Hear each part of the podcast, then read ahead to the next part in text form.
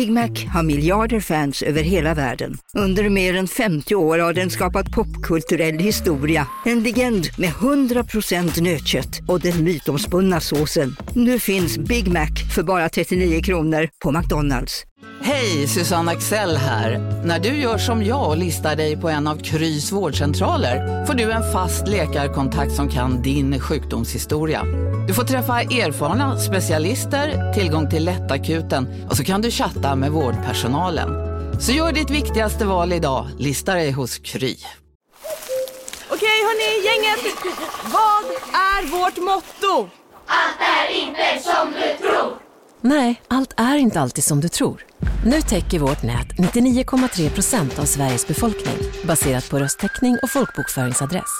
Ta reda på mer på 3.se eller i din 3-butik. Men en, en annan sak som jag tänkte på också, det nämnde också Therese i, i den här rapporten, men det var hur lite ja, men företagare finns i Mm, litteraturen. nej, precis. Det är ju verkligen bara en, Entreprenörer. precis, en viss typ av medelklass som ju alltid, alltså en sån eh, akademisk medelklass, Mm. alltså de med eh, kulturellt kapital. Om man då. Men vi är ju också budget. företagare nu. Jag menar, jag har ett Vi aktiebolag. Ja, precis. Lura AB. Men, Det går inte så Eh, jättebra. Men, men de, här, de som ingår i de här fem miljonerna som är medelklass, alla är ju liksom inte kulturarbetare eller eh, psykologer eller präster eller något sånt eh, intellektuellt, utan det är ju många som är kanske rörmokare med egen firma eh, i en mellanstor svensk stad. Eh, och de får inga romaner skrivna om sig. Och de skriver heller inga romaner. och de läser kanske inte De läser några heller inga romaner. Nej, precis. Jag vet ju inte riktigt hur det står. Jag läser ju väldigt lite deckare, eller jag läser ju inga deckare överhuvudtaget. Men jag kan tänka mig att om man eh, skulle inkludera underhållningslitteratur eh, i diskussion om, om liksom medelklassen i litteraturen så kanske det finns fler där. Ja, Det finns väl typ säker. inredningsarkitekter och poliser. Precis, mäklare och. Ja, just det. Ja, men, En sån här tidigare skrev- feelgood-roman om att träffa sitt livs stora kärlek och han är den här jätteframgångsrika mäklaren. Vem har skrivit det? Nej, jag bara föreställer är mig att det jättebra idé, du får existerar. skriva den. Ja men alltså för, alltså så här, så här, Emily Flyg eller Carlén, hon, fler- hon skrev ju en bok som hette liksom Ett handelshus i skärgården. Och det var liksom bakgrunden mot vad, liksom allt som hände. Liksom att man har liksom de här stora, framgångsrika företagarna. Och här finns det ju en otrolig spännvidd av liksom kultur, klass, status åt alla möjliga håll. Men det är aldrig någon som använder den fonden när man skriver sin litteratur, utan det är mycket mer så, jag flyttar in till stan, det är svårt att hitta en kille, eh, jag jobbar i en affär, alltså sådana saker. Och så sen skriver jag äntligen en roman om allt det här och det här handlar om min resa till att bli författare. Men jag förstår inte vad som är så, så fel med den typen av självbespegling. Jag har alltid tänkt att tittar man tillräckligt nära på sig själv så ser man någonting mycket mer allmängiltigt än sig själv. Jo, absolut. Det, det, så har väl kulturen alltid fungerat? Jo, men det är för mycket. Det är för mycket av samma sort. Jag skulle vilja se någon som bara, jag äger Hennes och Maurits. Nu, nu, nu har jag kärleksproblem. Alltså, Nu är vi på väg bort från medelklassen, det känner jag. Ja men, ja men liksom det enda vi får ta del av av så framgångsrika typ företagsledare, och vi har jättemånga i Sverige som driver jättestora företag, det är när de pratar i liksom, har sina sommarprat och spelar Mm. Frank Sinatra och pratar I did it my way, men liksom nå- någon mer grej, alltså liksom, det finns så mycket mer här som, som aldrig beskrivs i litteraturen. Men då vill jag rekommendera en bok till dig Lovisa. Snälla. Ja, det är Fredrik Reinfeldts Halvvägs. Eh, Mikaela, du måste sluta tjata om det. Jag vet, så känner, så känner jag också varenda gång man chattar med Mikaela på Messenger. Det är bara, har du hört? Reinfeldt, det här är ett citat ur Reinfeldts bok Halvvägs. Men det är väl inte ens skönlitteratur, eller? Nej, det är det inte. Men ehm, det är li- lika bra som vilken roman som helst. Lovisa och jag är goda vänner sedan många år och eh, när du har druckit några glas så brukar ju du håna mig för min litteratursmak. Ja.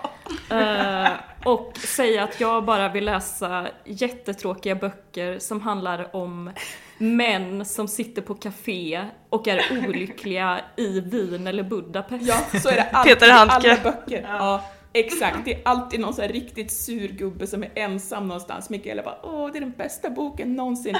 Alltså det är samma tema om och om Patrick igen. Modiano.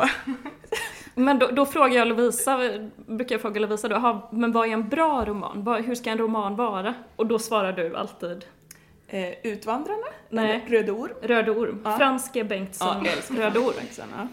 Så, så det är ju vad du vill och då har du också sagt att du, du har ifrågasatt varför skriver folk med, romaner om medelklassen, varför skriver de inte en ny Röd orm? Ja, men alltså jag skriver också bara, fattar du skriva liksom ett så tredelat epos om liksom HM-familjen, alltså någonting sånt. Det skulle vara någonting.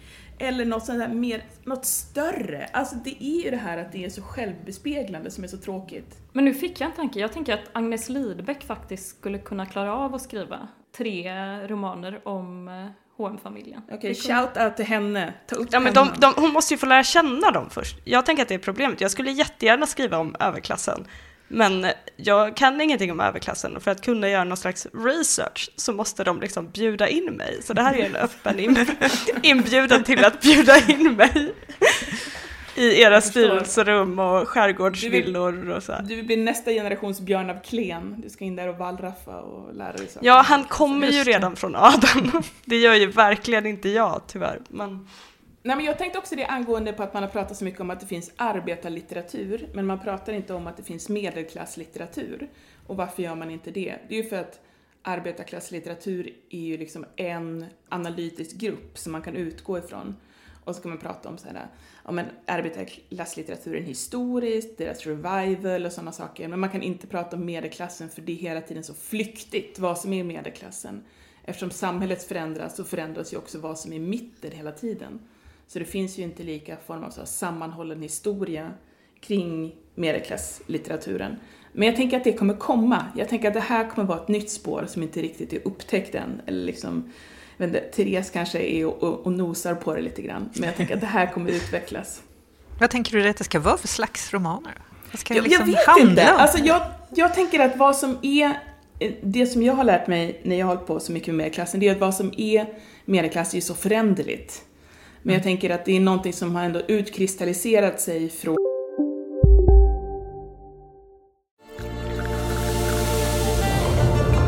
Välkommen till Maccafé på utvalda McDonalds restauranger med Baristakaffe till rimligt pris.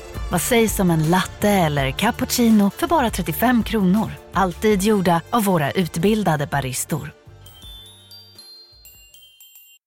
Hej Sverige! Apoteket finns här för dig och alla du tycker om. Nu hittar du extra bra pris på massor av produkter hos oss. Allt för att du ska må bra. Välkommen till oss på Apoteket. En nyhet. Nu kan du teckna livförsäkring hos Trygg-Hansa. Den ger dina nära ersättning som kan användas på det sätt som hjälper bäst. En försäkring för dig och till de som älskar dig. Läs mer och teckna på trygghansa.se. Trygg Hansa. Trygghet för livet.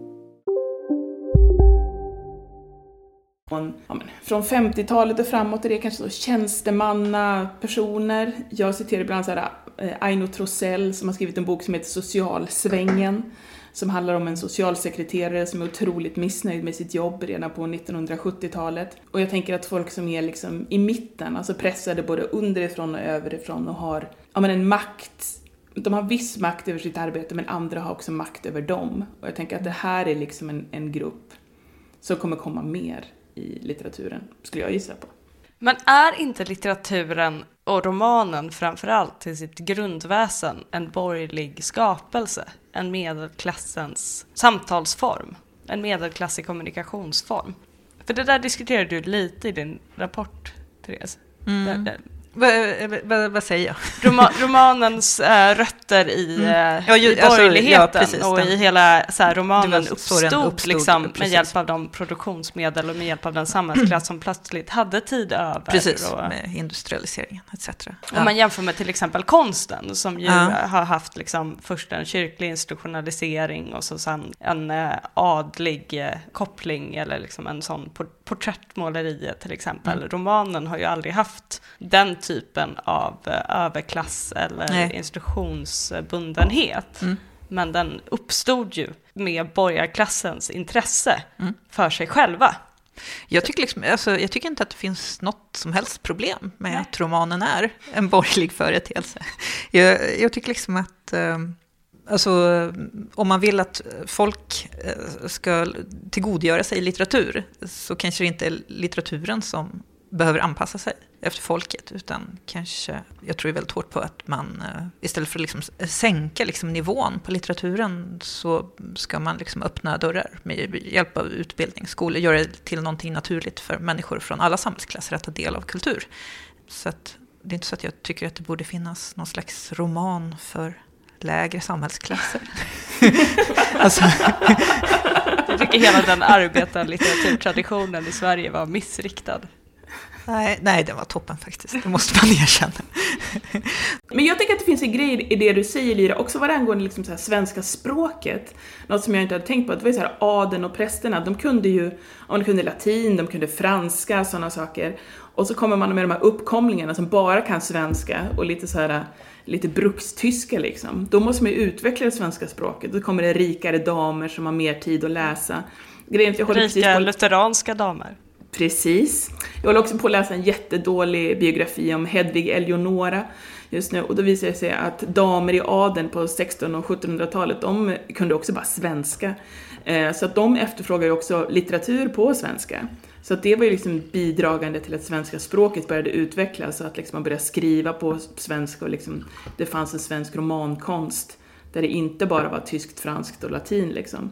Så det innebar ju också att det påverkade den språkliga utvecklingen. Och här fanns ju också konst och kulturmecenater som innebar att det fanns det fanns både liksom en språklig efterfrågan, det fanns materiella förutsättningar och därmed så tänker jag att det är, romanen är lite grann av också en borgerlig skapelse. Alltså man har tid, man har pengar, man vill läsa på sitt språk. Och då börjar det också handla en del om borgerligheten, liksom den, vad man ska kalla kanske den klassiska borgerligheten i början i alla fall. Men finns det en publik och ett intresse för den samtida svenska medelklassromanen? Ja, det är klart det måste finnas det. Alltså jag tycker att det finns intresse för allt. Där det finns typ en stor publik. Alltså liksom, har du saker som får någon form av verkshöjd så det måste ju finnas en publik.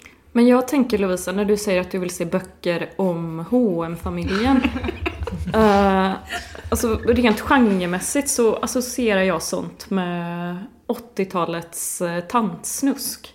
Att det är jätterika människor och så är det deras kärleksproblem. Jag vet, och så är det, det flera generationer. Jag vet, men det är därför och... att du är så otroligt fast vid att alla bra böcker måste vara en tråkig gubbe på ett café i Zürich. Alltså det kan man ha, liksom vad som helst kan vara en bra bakgrund till bra litteratur, Mikaela. Nu ska jag berätta ett och annat för dig.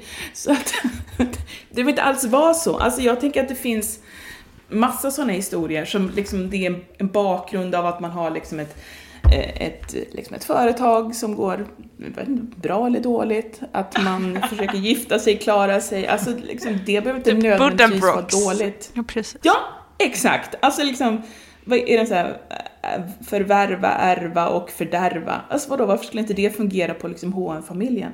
Men jag tror, jag tror att den typen av rikedom i en roman, jag tror att det är väldigt lätt för en författare som skriver om det att glida in i att fetischera rikedomen lite. Mm. Och då tänker jag att själva romanen blir eh, kitschig. Absolut, du tänker att det blir typ som Dallas? Ja, ja. ja det är min farhåga. Jag vet, för att man måste vara liksom en, en sur, ensam 55-åring ja. för att det ska vara Okej, okay, men vi släpper Peter Handke nu.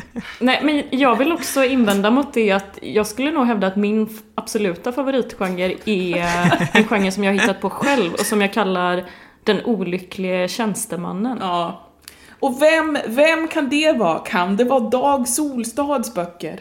Det kan vara Dag Solstads böcker, det kan vara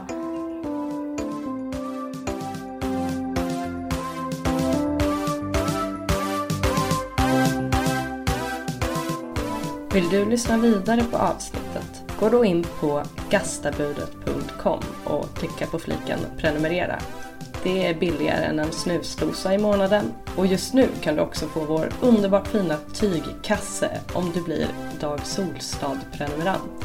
Så gå in på gastabudet.com och klicka på fliken prenumerera.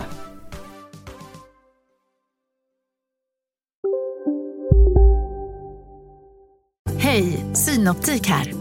Livet med glasögon ska vara bekymmersfritt. Därför får du 30% på alla glasögon när du väljer Synoptik All Inclusive. All service ingår alltid. Välkommen till Synoptik. Kurrar det i magen och du behöver få i dig något snabbt? Då har vi en Donken deal för dig. En chicken burger med McFeast-sås och krispig sallad för bara 15 spänn. Varmt välkommen till McDonalds.